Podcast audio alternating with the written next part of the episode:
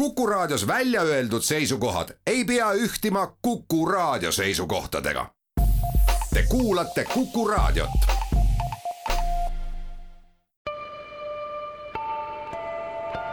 ilmaparandaja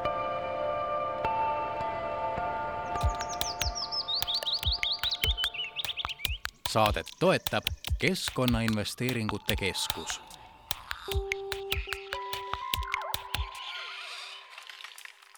tere, head Kuku raadio kuulajad ja kõik keskkonnahuvilised. jällegi on aeg siin raadios teha juttu keskkonnateemadel ja püüda olukorda parandada nii palju, kui vähegi võimalik on. algab saade Ilmaparandaja, mina olen Rein Pärn täna võtame esmalt äh, lauale lahti teema, mis on üks olulisemaid maailma kliima mõjutajaid ja koormajaid, see on toit siin on olukord selles mõttes väga lihtne, et eh, kui kõik eh, inimesed langetaksid häid otsuseid ja hoolikalt valiks, mida nad suhu pistavad, saaks globaalse mõjuga suure muutuse korraldada hetkega.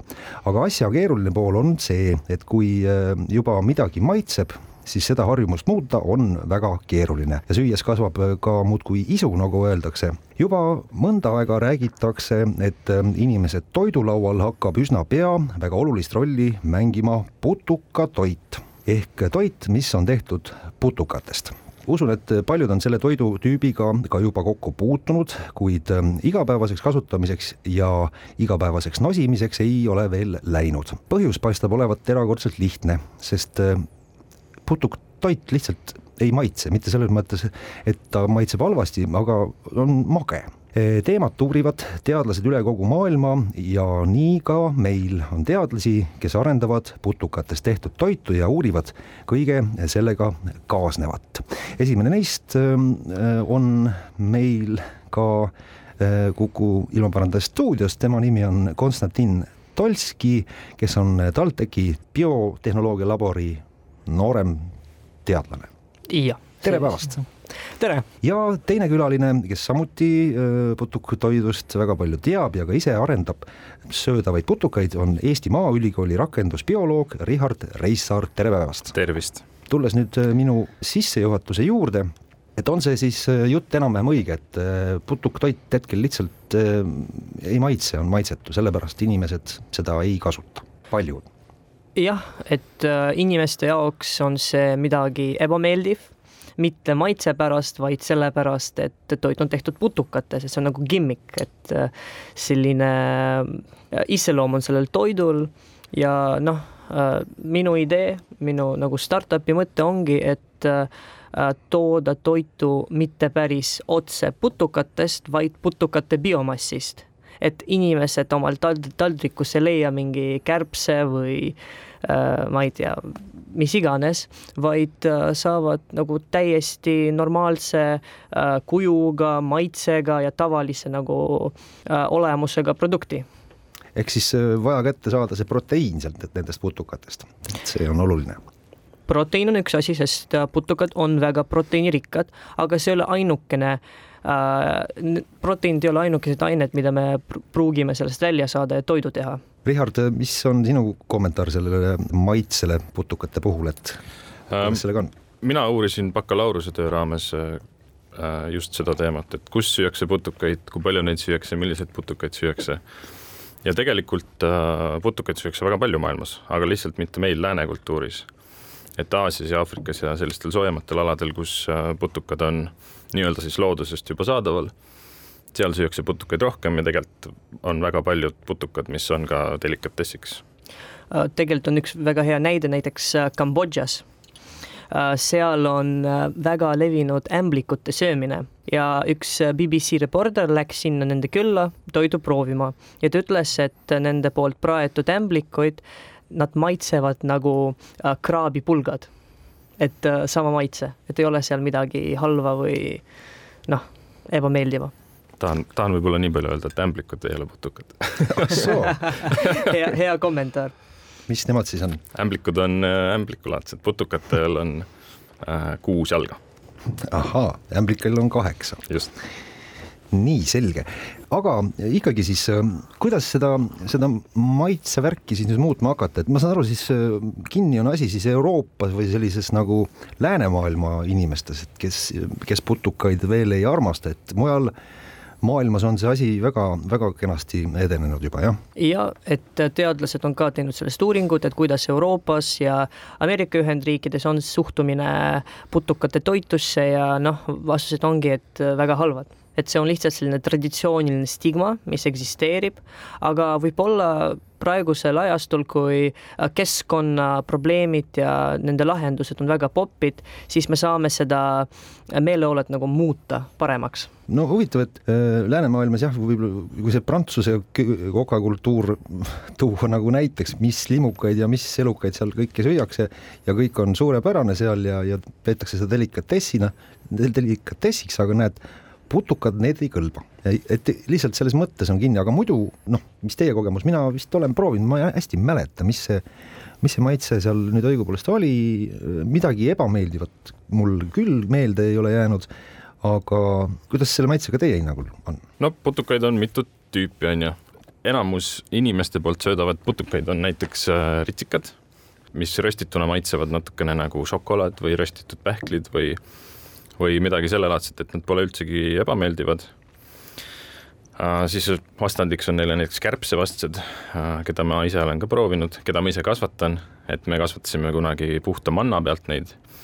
Ja siis röstisime ahjus ära, nad maitsevad nagu uh, ossikrõpsud, need fritüüritud seanahk, et nad on hästi rasvarikkad umbes, umbes kolmkümmend protsenti on neis rasva, umbes sama palju on neis proteiini ja nad on sellised täiesti söödavad ja täiesti meeldivad asjad. tegelikult rasv ongi, ongi see oluline asi, mida me proovime äh, putukatest, just äh, kärbsevastsetest ekstraheerida ja kasutada toidu valmistamiseks, sest äh, just kärbsed, mõne kärbsete rasv sisaldab samad rasvhapped, mis on kaladel ja mida me nii polüküllustamata rasvhapped, mida me kavatseme nagu enda dieeti sisestada jah, kas putukate koostises on ka midagi eripärast, mida noh, sellises tavalises toidus, loomades, kalades ja ka ma ei tea, erinevates molluskites, mis merest tulevad, on midagi erilist ka või on see selles mõttes üks loomariik kõik äh,? mingisugused erisused on, aga me põhimõtteliselt koosneme kõik ikka,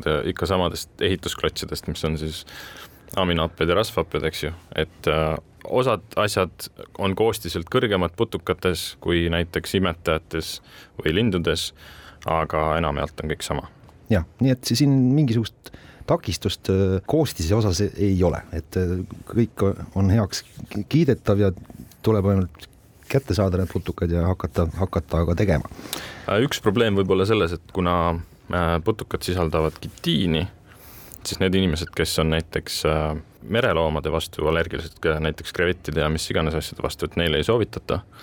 Äh, aga üldises mõttes ei ole neil midagi, midagi viga, jah kõlbab kõik täiesti. rääkige kuulajatele no oma sellisest igapäevatööst putuktoidu jah, siis arendamisel, et mida te täpsemalt siis teete ja ja jah, kas on ka mingisuguseid käegakatsutavaid tulemusi selles mõttes, et mingi murrang võib, võib tänu teile selles valdkonnas varsti ka tekkima hakata ma ei tea, Konstantin, äkki teed algust? et äh, praegusel hetkel äh, ma ei ole karjääris putukatega väga tegelenud, ma olen äh, oma laboris tegelenud just mikroorganismidega ehk pärmidega, bakteritega ja nii edasi. aga selle projekti raamis me proovimegi nende koos Rihardiga äh, Rihardi abiga kasutada need putukad, et toiduproduktid siis luua ja siis võib-olla ka turule need esitada ja Richard? mina olen viimased viis aastat tegelenud siis äh, maailmas enim kasvatatava putukaligi kultiveerimisega äh,. ehitasin Maaülikooli juurde labori, mis on siis Eesti Maaülikooli rakendusentomoloogia praktikabaas äh,. seal ma kasvatan siis seda ühte kärbselikki äh,. et igal ajahetkel on meie laboris kuskil kaheksakümmend tuhat kuni nelisada tuhat isendit putukaid ja laboris toimub meil siis terve tsükli nii-öelda elujärk ehk siis munast kuni valmikuni, sinna vahele jäävad ka siis vastsed, kes on kärbsliigil äh, peamised siis nagu nii-öelda söödaallikad. lisaks me uurime siis, äh, mis saab siis nende nii-öelda siis putukate sõnnikust, siis järelproduktidest näiteks kitiinist, et sellest saaks teha näiteks bioplastikut ja sõnnikut saab kasutada siis bioväetisena. ja eesmärk on ikkagi töötada välja siis väga hea toode, mida siis saaks varsti poest osta või juba äkki saabki? põhimõtteliselt see kärbseliik on peamiselt mõeldud loomasöödaks, et ta oma olemuselt on kärbsed lagundajad, ehk siis nad suudaksid selle protsessi käigus äh, vähendada meie biojäätmeid ja teha sellest uuesti siis äh, söödava produkti, pluss siis need järelproduktid, millest ma just rääkisin, et et saaks biojäätmetest teha veel uusi asju ja saaks need uuesti ringlusesse tuua, et me ei peaks neid niisama maha matma. mis veel on siin takistuseks, et äh, jätkuvalt räägitakse putuktoidust kui tulevikutoidust, mitte juba olevikutoidust, et palju neid, Richard, Balti taolisi tootjaid selles mõttes äh, on, et ma ei tea, poest vist peaks juba saama, kui kohe täna tahta putukat nosima hakata, et äh, juba kusagil toodetakse. jah, mingisugused nišitooted on, et äh, mingisuguseid äh,, tean, et Fazer tegi leiba näiteks ritsikatest äh,, mingisugused väiksed äh, näidisputukad kuskil paki sees on olemas, et aga putukakasvatusega Euroopas on niimoodi, et see nii-öelda siis tehti seaduslikuks alles paar aastat tagasi ja eelmisel augustil tehti see seaduslikuks ka Eestis, ehk siis äh, meil on seitse putukaliiki Euroopas, keda võib kultiveerida. ja nii-öelda siis, miks seda olevikuks ei saa kutsuda, on võib-olla see, et äh, tulevik on lihtsalt pika vinnaga. et inimesed pole harjunud, me keegi ei tea sellest midagi ja, ja see kõik võtab aega, et inimesed harjuksid, et tuleks regulatsioonid, et tuleksid äh, tehnoloogiad, kuidas neid asju saaks teha efektiivselt ja, ja nii edasi tegelikult Eestis on olemas ka üks oma firma, mis tegeleb putukate toiduga. Nende nimi on Greenbite ja nende toodet saab juba leida äh, mõnedes Eesti poedes. ja noh, ma olen proovinud nende produktid, nad teevad sellised müslibarrid ja nad on päris head. see on Eesti esimene firma, mis sellega tegeleb. võib-olla, ma ei tea, kas sa oled kuulnud, aga niisugune ettevõte on ka olemas nagu Pugimine. Nemad kasvatavad jahuasju ka siin Tallinnas et nemad äh,, ma tean, et nad müüvad seda sõnnikut, nii-öelda siis putukate sõnnikut, eks ju. ja siis äh, ma ei tea, kas nad jahuisse müüvad, aga, aga see on niisugune ka nüüd startup'i laadne niisugune, niisugune ettevõtmine. aga see jah, selline asi tuleb äh, mulle küll üllat-, uudisena, et et alles mõni aasta tagasi lubati seadusega kasvatada, kuigi ega ma kindlasti võin, võin siin eksida, ega midagi sellisest klassikalisest põllumajanduse vormist, ma ei tea, lambakasvatusest, veise, seakasvatusest või, või mesilaste pidamisest nagu väga suurt erinevust ju ei ole. kui sa kasvatad, ma ei tea, kalu või, või putukaid või on? no soe peab olema mesilased kui sellised on harjunud talvituma nad on selleks võimelised. Äh, imetajad toodavad ise oma kehasoojust, aga putukatega on see, et kuna nad on kõigusoojased, eks ju, siis äh, kui nad ära jahtuvad, siis nad jahtuvad ära ja siis elutegevus lõpeb, et, et meie aladel on putukaid kasvatada pigem keeruline, võimalik, aga keeruline.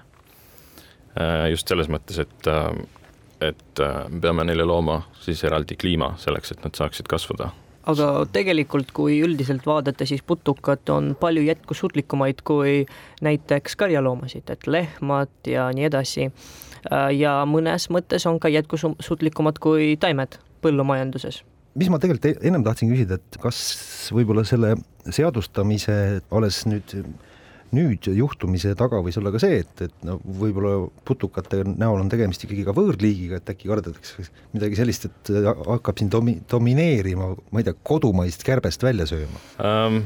selle liigi puhul, mida mina kasvatan äh,, ta on tegelikult pärit Kesk-Ameerikast, kuna teda kultiveeritakse maailmas niivõrd palju äh,, Hiinas, Aafrikas äh,, Äh, Lõuna-Euroopas, siis äh, tegelikult ta on nüüd, levib üle terve maailma, aga ta ei ole selles suhtes üldse ohtlik, et äh, valmikud kui sellised äh, ei toitu, neil ei ole aktiivset seedimist, vastandina siis meie enda näiteks lihakärbsele või, või porikärbsele või mis iganes, kes, kes peab enda energia säilitamiseks lendama toiduobjektilt toiduobjektile. seetõttu need siin nii-öelda siis äh, ma kasvatan niisugust liiki nagu black soldier fly et eestikeelset nime neil ei ole. kõlab ohtlikult. jah kõlab ohtlikult, ta näeb välja nagu parm natukene. Äh, ta on niisugune musta värvi, natuke suurem kui meekärbes, meekärbsed. aga jah, selles suhtes äh, isegi kui me tahaksime, siis meie aladele nad pidama ei jääks, et nad levivad Euroopas kuni umbes äh, Tšehhini. siis, siis nad saavad veel hakkama, aga siis, siis kui läheb külmemaks ja tuleb külmumine ja siis nad ei saa enam. ilmaparandaja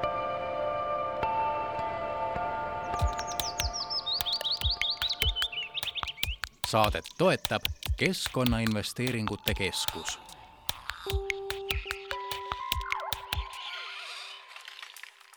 jätkame Kuku keskkonnasaatega Ilmaparandaja, täna räägime putukatel põhinevast toidust ja millist rolli võiks see mängida maailma kliima paranemises. stuudios on TalTechi biotehnoloogia labori noorem teadlane Konstantin Tolski ja Eesti Maaülikooli rakendusbioloog doktorant Richard Reissaar ja mina olen saatejuht Rein Pärn mis on nagu tulevikuplaanid, et äh, millist toodet plaanid siis hakata tegema, et äh, millises vormis siis see võib inimese toidulauale jõuda? kõige levinud ja tavalisem asi, mida võib näiteks putukatest teha, on jälle need protein baarid ja protein shake'id ehk lihtsalt proteiinirikkad pulbrid, mida me paneme nende baaride sisse.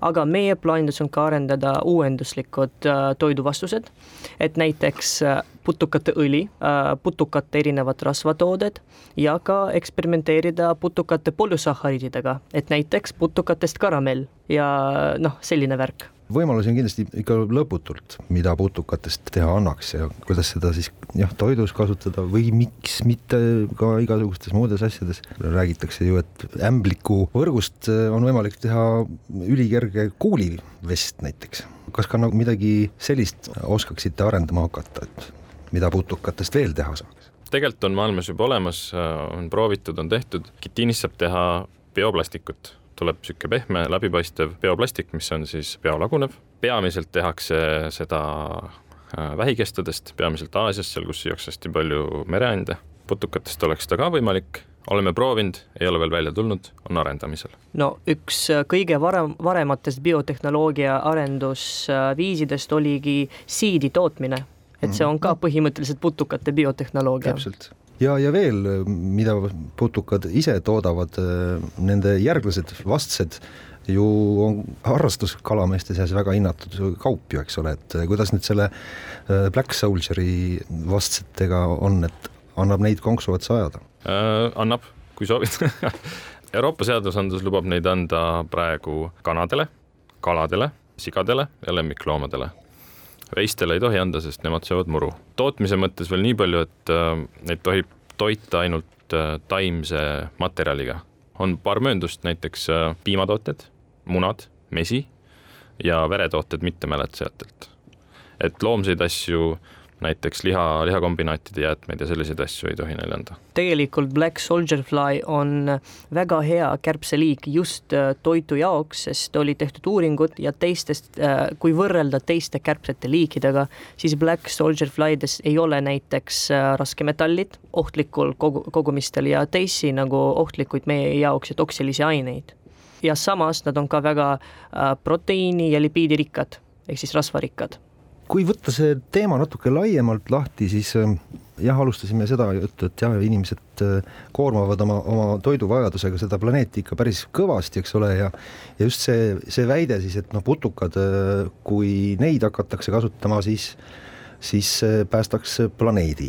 Ja seda putukmassi on ju tegelikult tohutult palju kuskilt kuulsin väidet, et ainuüksi sipelgamassi on maakera peal rohkem kui inimeste massi kokku. Või oli see number veelgi suurem, et äh, see ressurss, mis vedeleb praegu looduses, on ikka üüratu. jah, putukaid on meeletult äh, ja ka putukaliike on meeletult, putukad on kõige liigirikkam siis nii-öelda taksonoomiline rühm üldse et äh, kui võtta näiteks võrdluseks taimed või mis iganes, et äh, putukaid on kordades rohkem kui kõiki teisi asju, putukaliike siis. et neid on, on, mida võtta, aga see teema jällegi, et äkki võtame nüüd lindudelt äh, toidu eest ära ja, ja sealt edasi see, see toiduahel nagu see hakkab kannatada saama. või kui jah, ise kasvatada, pole häda midagi sa mõtled putukaid kasvatada? jah, putu-, putukaid ise kasvatada, et siis ei, siis ei kannata nagu see lahtine lo loodus. Jah, kindlasti on parem ise neid kasvatada, kui hakata neid loodusest korjama, sest loodusest üldiselt korjamine, igasuguste liikide ja taimede, loomade korjamine suures koguses on halb looduskeskkonnale. aga, aga ise kasvatades jah, nagu ma ütlesin, kärbseliik, keda mina kasvatan, teda kasvatat-, kasutatakse peamiselt biojäätmete siis nii-öelda ümbertöötlejana. Ehk siis juba see meie toiduahelast väljunud toit, mis tavaliselt läheb kas siis komposteerimisele või, või mis iganes kuskile matmisele, et seda, selle saaks uuesti ringlusesse, saaks need toitained uuesti ringlusesse, et me ei peaks nii palju toitu raiskama. et just need ussid on isegi väärtuslikumad kui see hilisem kärbes või kes iganes. jah, kärbes ja. on ainult paaritumisprodukt nii-öelda. aga see, et äh, kui putukaid hakatakse toiduks rohkem kasutama, siis äh, teie usute, et, et see oluliselt koormaks kogu seda toidusektorit nagu vähem, kui samas koguses süüa tõesti putukaid, kui me sööme, ma ei tea, lihataimi. jah, sest äh, putukad näiteks vajavad väga vähe ruumi kui võrrelda näiteks taimedega või karjaloomadega ja see, et kui palju maad me kasutame põllumajanduseks, on noh, on tohutu ja putukate kasutamine vähendaks seda drastiliselt ka sellepärast, et näiteks putukad on palju proteiinirikkumaid kui näiteks lehmad äh, ja loomaliha. putukatega on veel niisugune asi ka, et äh, kuna ma enne ütlesin, et nad on kõigusoojased siis äh, nad ei vaja energiat selleks, et enda keha soojust hoida, mis tähendab, et suurem osa või no rohkem nii-öelda siis nende söögist saadavast energiast läheb nende enda kehamassi kasvatamisele. ehk siis nad on palju söödaefektiivsemad kui näiteks imetajad. minu meelest kõige efektiivsem põllumajandusloom, keda saab kasvatada, on äh, vutid. see protsent, mis, mis nad siis ühest kilost söödast enda kehamassi ammutavad, on kuskil neliteist protsenti Äh, veiste puhul on see mingi kolm, aga putukate puhul ta on kuskil seal kolmkümmend, kolmkümmend viis protsenti, väga-väga palju rohkem. Richard, paranda mind, aga vist äh, putukate kasvatamises on ka heitgaase palju vähem kui näiteks looma kasvatamises? ilmselt küll, äh, ma tean, et tekib ammoniaaki, tekib metaani, tekib CO2, see on eluslooduse üks, üks lahutamatu osa. aga protsess on nii-öelda siis, ma ei oska seda mõtet lõpetada vähem tekib ilmselt. Äh, põhimõtteliselt äh, muutuvad atmosfääris äh, gaaside proportsioonid, ehk siis kui midagi on liias, siis teist on vähem sest bioloogilised, bioloogilised or organismid kasutavad ju need gaasid ära. nagu meie kasutame hapnikut ja taimed kasutavad äh, süsihappegaasi näiteks suhkrute tootmisest. ehk kui midagi nihkub, näiteks kui me toodame rohkem süsihappegaasi tööstuses, siis nihkub ka, nihkuvad ka kõik teised gaasid, mis osalevad selles keerulises süsteemis. Te osalete ka nüüd Courage äh, nelikümmend kaheksa Food äh, toiduhäkatlonil, et äh, mis te seal plaanite teha, mis, mis tootega plaanite sinna minna ja millist tulemust ootate? ongi see, millest ma alguses rääkisin, et proovime just kasutades need black soldier flies äh, ehitada nende biomolekulitest need väga ilusad, maitsvad ja proteiini ja rasvade rikkad äh, toiduained, mida me pärast saame turule esitada. et praegu on plaanides päris mitu toodeid, aga näeme, kuidas, mida tulevik toob. aga, aga ootate ikka, et võib-olla keegi paneb kusagil tähele, isegi kui ei võida ja, ja saab siis äh, sealt äh, tuge või mõttekaaslasi juurde just äh, seda megi tahame, et äh, me otsime kogu aeg endale näiteks äh, turundusspetsialiste, kes saavad aidata, sest see teema on väga oh, noh, kiiresti areneb ja controversial jah, ma ei teagi, kuidas vastuoluline. vastuoluline, jah. seda ka, jah et siis, kui strateegiat valida on, peab olema väga korralik, vastutustundlik. hakkame siis seda teemat vaikselt kokku võtma, et mis te siis ennustate, mitme aasta pärast või mitu aastat veel läheb, kui näiteks on täiesti tavaline, et äh, igas kaubanduskeskuses on, on mingi neli, neli-viis toodet, mis on putuktoidul põhineb või sisaldab putukatoitu ja inimesed äh, ei vaata sellele peale kui mingisugusele võõrale või imelikule asjale. tegelikult ma arvan, et juba väga varsti. Et äh, kuna sellised ettevõtted ja startup'i ideed juba ilmuvad, äh, ühiskond hakkab muutma, et ma arvan, juba lähikümnendatel äh, siis me, me näeme palju rohkem toodeid putukatest turul. ma tahtsingi öelda, et mina pakun kuskil kümme aastat. no ikkagi me..., meil ei ole nii palju aega, et kliima ei oota. võiks juba varem seda teha, aga noh, mis sa teed? eks see on harjumuste küsimus, inimesed, inimesed pole lihtsalt teadlikud, pole, pole näinud, pole kuulnud, pole maitsnud. Ja Garage nelikümmend kaheksa on just see koht, kus saab selliseid mõtteid arendada, kiiremini neid teostada, kiiremini neid arendada. Ja kui teil on näiteks äh, mingi mõte seot-, seotud uuendusliku toiduga, toidu arendamisviisiga, kuidas teha toitu jätkusuutlikumaks, siis te saate ka Garage nelikümne kaheksale registreerida, kuna me ootame kõiki, mitte ainult biotehnoloogid, äh, äh, teadlasi, vaid ka tavainimesi, kes on lihtsalt huvitatud toidust lõpus ja registratsioon lõpeb juba viieteistkümnendal novembril et aega on päris vähe. no aga selge, tore oli teiega juttu ajada ja, ja teemaga ka tutvust teha ja saada siis olukorrast jah, selline ülevaade. aga soovin teile mõlemale jõudu ja edu ja kiiret kiiret arengut selles valdkonnas. aitäh stuudiosse tulemast, Konstantin Tolski ja Richard Reissaar ning kena päeva teile! suur tänu! suur tänu! Ilmaparandaja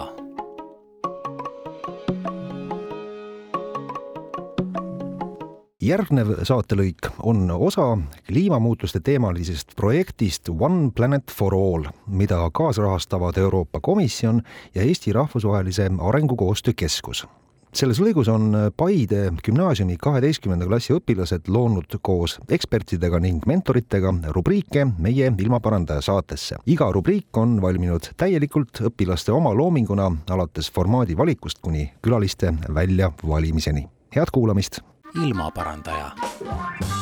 tere kõigile kuulajatele, meie oleme Paide gümnaasiumi kaheteistkümnenda klassi õpilased Keter, Elisa ja Alana ning täna me räägime teile teemal nimega nullkulu. Nullkulu ehk siis zero waste eluviisi eesmärk ongi ennetada prügi ja selleks järgitakse viit reeglit.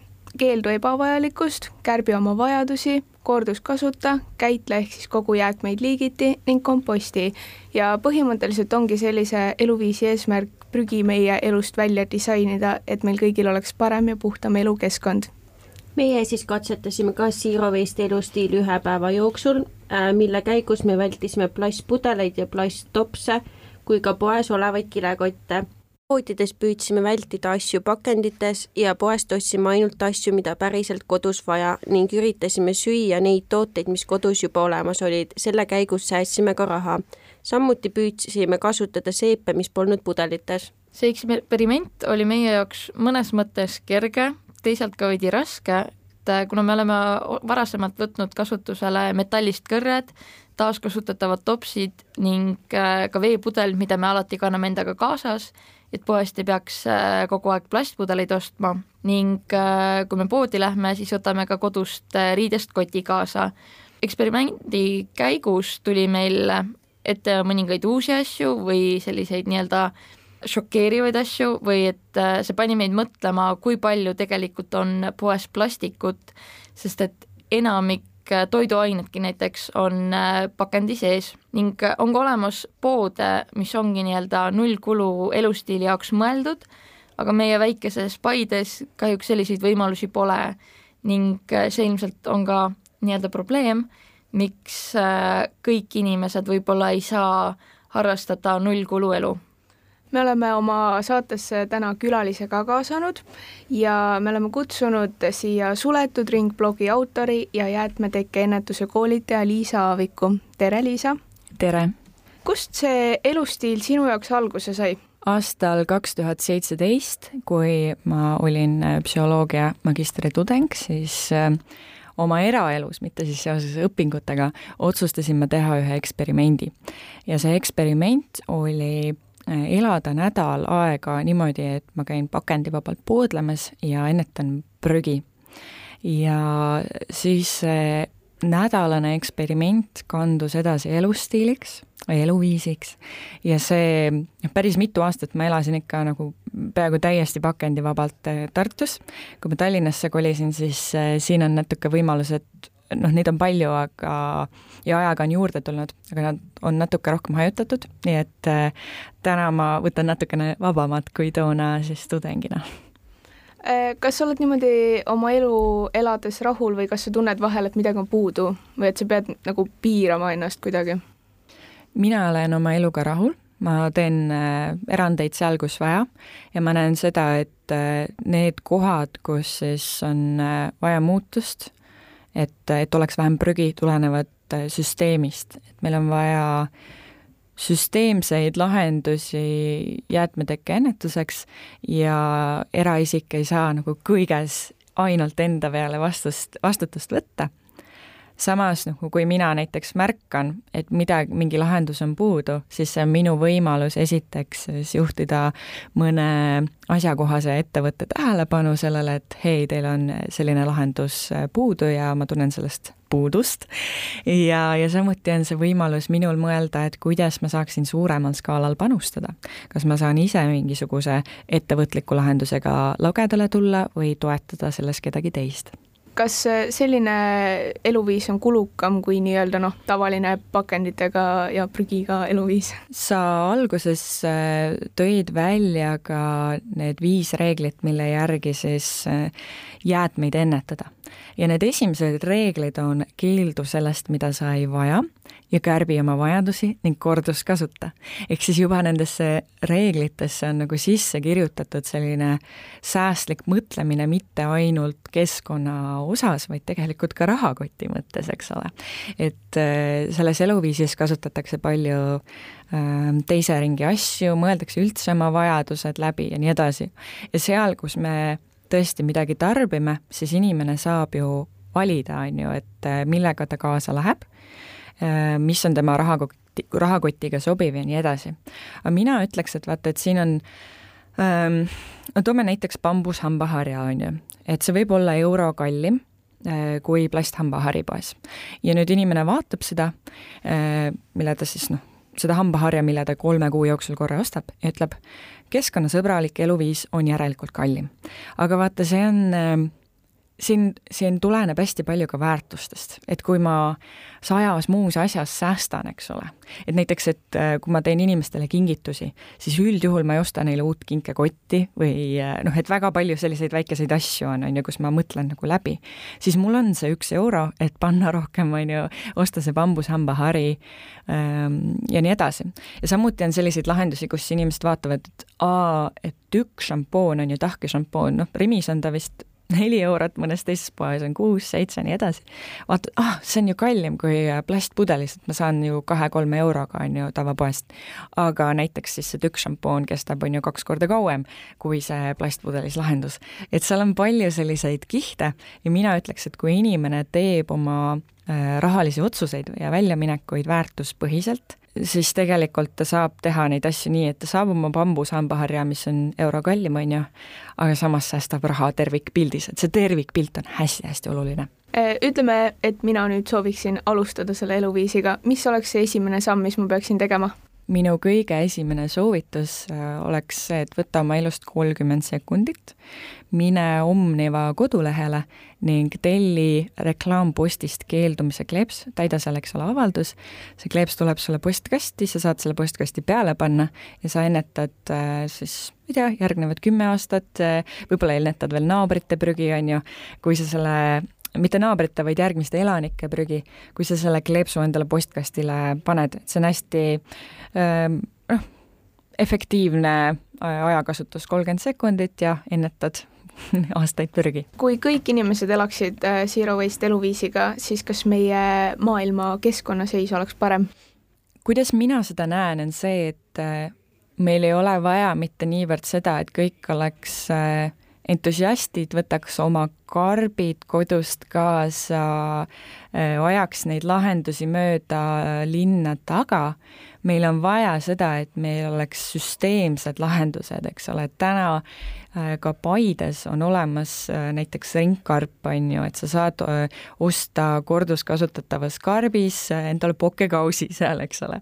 et meil on vaja nagu selliseid selliseid lahendusi, mis aitavad kõigil häid valikuid teha lihtsamini, aga kahtlemata vaata, et noh, sellised inimesed, sellised pioneerid nagu meie siin mõnes mõttes on ju, kes katsetavad, kes panevad tähele, et äh, siin härrased, prouased, tekib natukene palju prügi.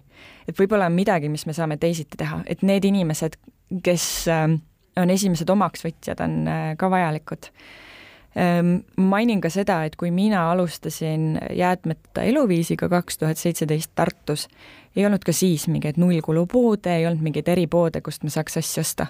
et ma pidin selle nagu ise, need, ise need võimalused kaardistama ja siis, kui nähti, et äh, ma natukene loodan, et mul oli osa selles, et kui nähti, et inimestel on huvi selle vastu, siis hakati neid poode looma. nii veebis, on ju, et igaüks üle Eesti saab tellida, kui ka, kui ka füüsilisel kujul, kui ka olemasolevate poodide osakondadesse. ehk ma arvan, et meie nagu see, see lahendus äh, jäätmetekke ja raiskamise mõttes võiks olla äh, ringmajandus ehk siis majandus, kust äh, jäätmetreastus on välja disainitud, kus äh, ressursse, materjale hoitakse ringluses ja kus ta-, taastatakse loodussüsteeme. mina arvan, et selline äh, süsteemne muutus on kõige olulisem lahendus. aitäh sulle, Liisa! meie omalt poolt täname Liisat meie saatesse tulemast ja loodame, et kuulajad õppisid tänu meile midagi uut ja suudavad keskkonnasäästlikumalt mõelda ja elada. ilmaparandaja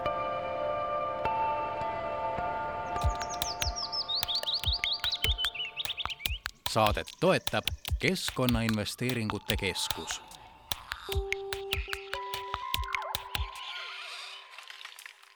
uudis järgmine, hiljuti tähistati rahvusvahelist e-jäätmete päeva ja sel puhul saatis Keskkonnaministeerium välja väikese mõtlemapaneva teate, et ähm, elektroonikajäätmeid on igal Eesti inimesel olemas, mõeldakse siin võib-olla kohe mingisugustest suurematest masinatest, aparaatidest, külmkapid, pesumasinad, televiisorid, aga jäetakse tähelepanu alt välja igasugused pisemad elektroonilised vidinad, noh näiteks kõrvaklapid või televiisori pult või mis iganes siin habemajahamismasinad ja nii edasi.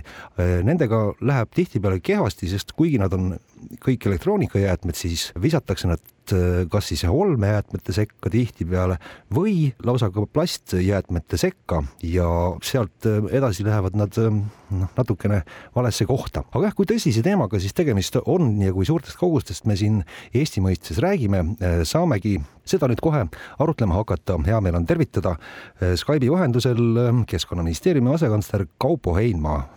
tere päevast! Tere päevast! juhtisite sellele teemale nüüd siis tähelepanu, rääkige, milles täpsemalt siin see probleemkoht on ja, ja kui tõsine see on? üks probleemkoht äh, on, on täitsa olemas, et ma usun, et enamus inimesi, kes äh, parasjagu raadiot kuulavad ja, ja enda ümber vaatavad, et kui nad just ei ole puhtas äh, looduskeskkonnas, aga on kas näiteks oma kodus, kontoris, autos, siis suure tõenäosusega nad enda ümber näevad elektri, elektroonikaseadet on ta siis suurem, nii nagu siin jutuks oli, et eh, televiisor, tolmuimeja, pesumasin, külmkapp, aga ka tihti palju, palju väikseid eh, vidinaid, et kui ma kasvõi vaatan enda laua peal hetkel, siis ma näen siin akulaadijat, ma näen mobiiltelefoni, ma näen eh, digiboksi, siin on, on hulgaliselt elektroonikat, õnneks need on kõik kasutusel, aga kui ma nüüd ringi vaatan, siis ma leian neid, mis kasutust enam ei leia, et võtame näiteks akulaadija.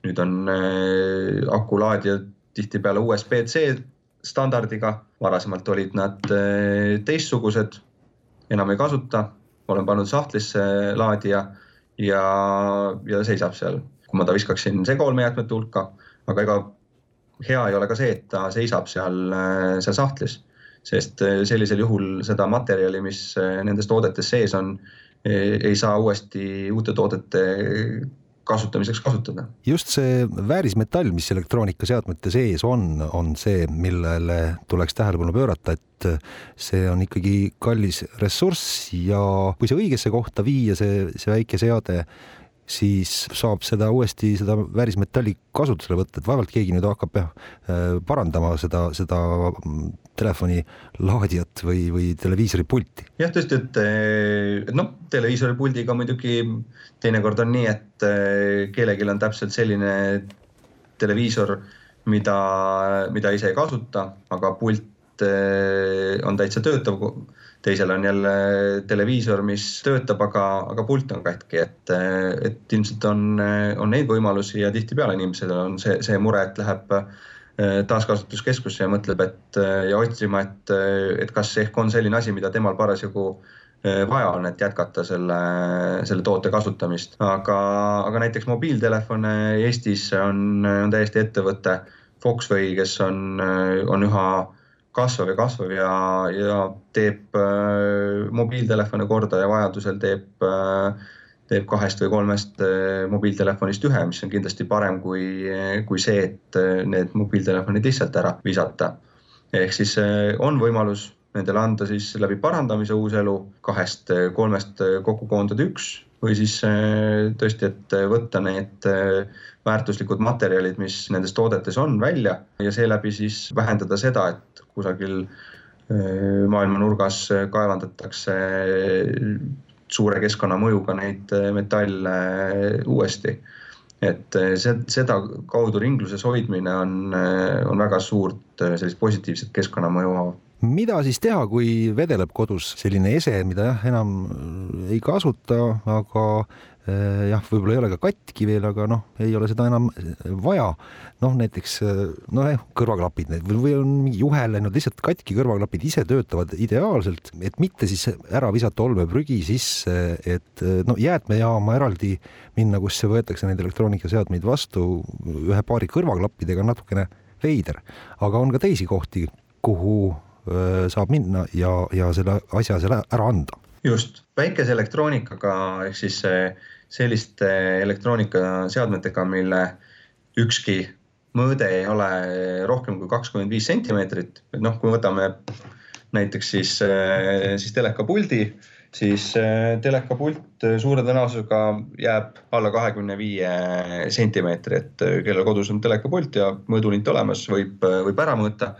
Aga, aga silma järgi suurema tõenäosusega võib ütelda alla kahekümne viie sentimeetri. ja nüüd eh, sellise seadme, mis enam kasutuses ei ole ja on soov jäätmetena ära anda, saab anda siis igasse sellisesse poodi, mis on üle neljasaja ruutmeetri ja kus müüakse elektroonikat. ja seejuures see pood ei pea siis olema selline, et, et see pood ise müüb telekapilte või telekaid koos puldiga. piisab, et ta müüb eh, muud elektroonikat ja siis, eh, siis viia see sinna, üldjuhul on, on neil olemas sellised kastid, kuhu need, need pannakse. et inimestele ilmselt on rohkem ette jäänud ja tuttavad on patareikastid. aga, aga tegelikult sellistes poodides on, on täiesti olemas ka, ka võimalus ära anda sellist väikest elektroonikat. et tõesti väga palju sellest, mida me, mida me kasutame, on alla sellise kahekümne viie sentimeetri see mõõduga ja nende puhul tõesti siis, kui nagunii poodi minekut, et suuremad kaubanduskeskused, supermarketid müüvad kõik elektroonikat. Kui juba sinna on minek piima, saia osta, siis võtta kaasa ka need elektroonikaseadmed ja need ja, ja sinna ära anda. nii et jah, kaubanduskeskustes, ehituspoodides ja elektroonikapoodides on see jäätme või noh, nende e-jäätmekäitluse süsteem juba sisse juurdunud, lihtsalt neil juba endal on vajadus, eks ole, et alati ju on ka poes müügil erinevaid seadmeid, mis on rikkis ja need tuleb siis ju kohe vastu võtta ja nemad peavad sellega siis midagi edasi tegema, aga mida siis äh, tehakse poodides toodud elektroonikaseadmetega edasi? nüüd äh, tavapäraselt ongi äh, kaks või, või kolm varianti. esimene variant on siis see, et kui nad on, on teada, et võetakse vastu juba ka sellised, mida on siis võimalik uuesti kasutusse suunata et piisab sellest, et, et võib-olla seal vahetatakse aku ära või, või vahetatakse klaas ära näiteks, remonditakse ja saadetakse uuesti ringi peale, kas siis äh, müügi, müüki või, või, või teatud juhtudel ka, ka annetatakse, et väga palju me teame seda näiteks, et et on peresid, kus on, on kitsas käesjaaga, on kas arvutit või, või mõnda muud seadet vaja ja kelle jaoks ei pea see kõige uuem mudel olema, et tehakse selline nii-öelda parandamistoiming ja läheb uuesti kasutusse. teine variant on siis, siis see, et võetakse mitu neid seadmeid kokku ja nendest kokku parandatakse ja saadakse uus toode ja läheb samuti uuele ringile. ja, ja järgmine variant on siis, eh, siis see, et võetakse see toode tükkideks ja võetakse kõik see väärtuslik, eh, mis nendes toodetes sees on, võetakse välja, sorteeritakse ja suunatakse siis edasi järgmistesse toodetesse, kas siis samadesse toodetesse või, või muudesse, et noh, kui me võtame näiteks erinevad metallid, igas elektroonikaseadmes neid on ühe jäätme kohta või seadme kohta on seda vähe, aga kui neid seadmeid on neid tuhandeid, sadu tuhandeid, lõpuks miljoneid, siis need kogused on piisavalt suured, et, et kasutada juba siis uuesti metallina. ja, ja loomulikult siis teatud osa võib selles tootes olla ka siis sellist, noh, millega tõesti ei ole midagi teha ja see siis tavapäraselt kontrollitult äh, käideldakse ära, üldjuhul siis, äh, siis põletatakse. kui tõesti on ka sellist osa, millega, mida ka ei ole võimalik ka energiakasutuse saada, siis, äh, siis ladestatakse prügilasse. aga kõikidele nendele seadmetele, elektroonikaseadmetele on määratletud ka endane sellised sihtarvud. et inimesed on ilmselt kursis, et olmejäätmetel on meil ringlussevõtu sihtarv, siis tegelikult on need ka, ka e-jäätmetele ja need on, on seal sõltuvalt eh, toote kategooriast võib-olla see ringlussevõtu määr kuni seal kaheksakümmend protsenti.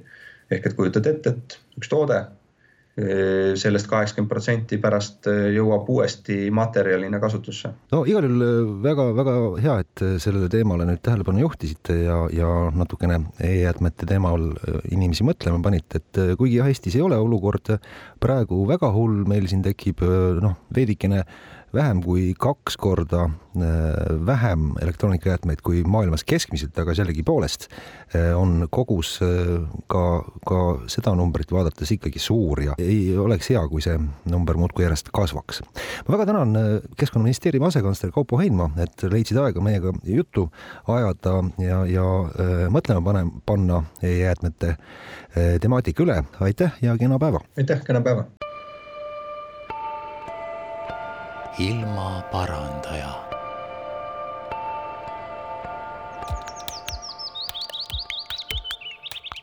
saadet toetab Keskkonnainvesteeringute Keskus